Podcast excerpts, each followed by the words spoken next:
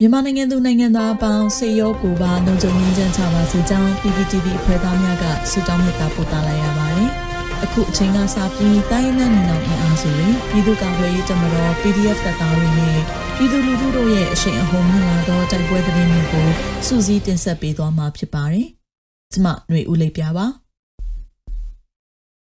မုံရွာချောင်းဦးလမ်းပိုင်းမှာစစ်ကောင်စီရင်နှန်းမိုင်းဆွဲခံရပြီးအများအပြားထိခိုက်တဲ့တဲ့ရင်ကိုဥစွာတင်ဆက်ပါမယ်။ စကိုင်းတိုင်းမုံရွာမြို့မှာတောင်ဘက်သို့ဇန်နဝါရီလ20ရက်ညနေ6နာရီခန့်၌ထွက်ခွာလာသောစစ်ကောင်စီရင်နှန်းကိုမုံရွာချောင်းဦးလမ်းမိုင်းတွင်ချောင်းဦး PDF နှင့်မုံရွာ IGF တပ်ဖွဲ့ကမိုင်းဆွဲတိုက်ခိုက်ခဲ့ရာ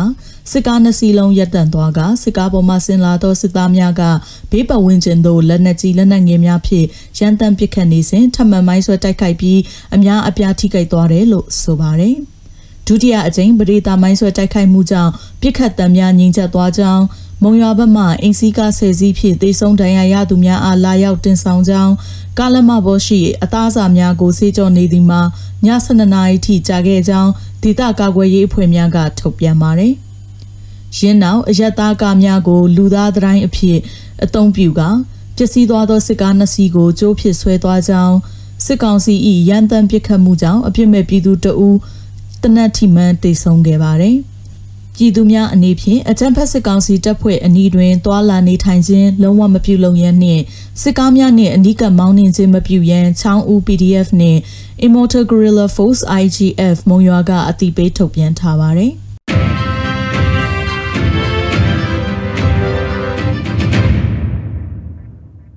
ဆက်လက်ပြီးရန်ကုန်မြို့နယ်ခုနှစ်ခုတွင်အကြမ်းဖက်စစ်ကောင်စီတပ်ဖွဲ့များပြစ်မှတ်ထားထိုက်ခိုက်ခံရကစစ်သား2ဦးသေဆုံးပြီးအများအပြားထိခိုက်ဒဏ်ရာရတဲ့တဲ့ရင်ကိုတင်ဆက်ပါမယ်။ ရန်ကုန်တိုင်းအတွင်းရှိတောင်အုပ်ကလာအင်းစိန်တိုက်ကြီးမင်္ဂလာတုံတောင်တကုံတာမွေနဲ့လှိုင်တာယာတို့တွင်အကြမ်းဖက်စစ်ကောင်စီတပ်ဖွဲ့များကိုရန်ကုန်တိုင်းစစ်သေးတာကွဲကိုကဲရေးအဖွဲ့ကဇန်နဝါရီလ16ရက်နေ့မှ22ရက်နေ့အတွင်းပြစ်မှတ်ထားတိုက်ခတ်ခဲ့ပြီးစစ်သား2ဦးသေဆုံးကအများအပြားထိခိုက်ဒဏ်ရာရရှိခဲ့ကြောင်းရန်ကုန်တိုင်းစစ်သေးတာကွဲကိုကဲရေးအဖွဲ့ကဆိုပါတယ်။ ဘုံဖြစ်ပစ်ခတ်ခြင်းအဝေးထိန်ဖောက်ခွဲခြင်းစတဲ့နီလန်တွေနဲ့တိုက်ခိုက်ခဲ့တာဟာရန်ကုန်တိုင်းစစ်သေးသားခွဲကုကဲရေးအဖွဲ့ရဲ့ပြန်လွှမ်းအောင်စစ်စင်ရေးတစိမ့်တစ်ပိုင်းဖြစ်တယ်လို့ဆိုပါတယ်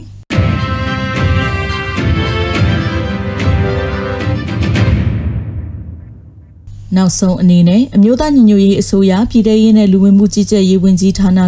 2022ခုနှစ်ဇန်နဝါရီလ22ရက်ရက်စွဲနဲ့ထုတ်ပြန်တဲ့ပြည်သူ့ခုခံတော်လှန်စစ်တရင်အချက်လက်တွေကိုတင်ဆက်ပေးသွားမှာပါ။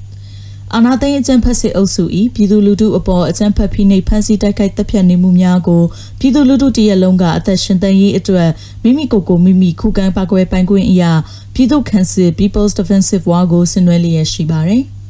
သတင်းချက်လက်များအရ21ရက်တလ2022ရက်နေ့တွင်စစ်ကောင်စီတပ်ဖွဲ့ဝင်36ဦးသေဆုံးပြီးထိခိုက်ဒဏ်ရာရရှိသူ4ဦးအထိခုခံတိုက်ခိုက်နိုင်ခဲ့ပါတယ်။စစ်အာဏာရှင်စနစ်မြန်မာမြေပေါ်မှာအပြည့်တိုင်းချုပ်ငြိမ်းရေးနဲ့ Federal Democracy တည်ဆောက်ရေးအတွက်ငြိမ်းချမ်းစွာဆန္ဒပြသည့်လူထုတပိတ်တိုက်ပွဲများကပြည်내နဲ့တိုင်းဒေသကြီးများမှာဖြစ်ပွားပေါ်ပေါက်လျက်ရှိပါတယ်။မြေပြင်မှာယခုတွေ့ရတဲ့သတင်းအချက်အလက်များထက်ပို၍ဖြစ်ပွားနိုင်ပါတယ်ရှင်။